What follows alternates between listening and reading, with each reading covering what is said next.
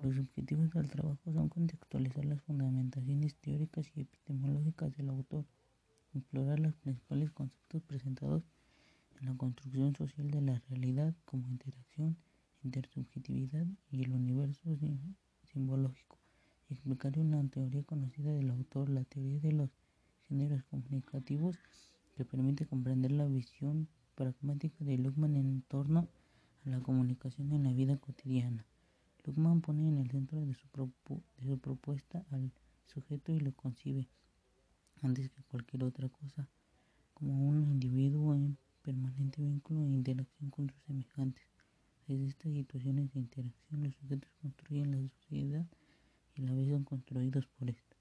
La teoría de los géneros comunicativos puede ser equiparada a una sociología de la comunicación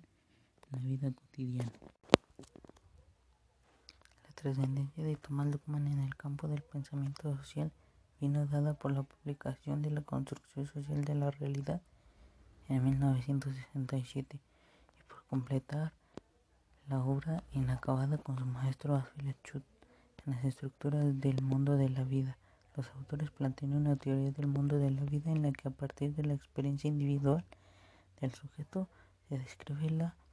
estratificación del mundo de la vida con el foco puesto en la cotidianidad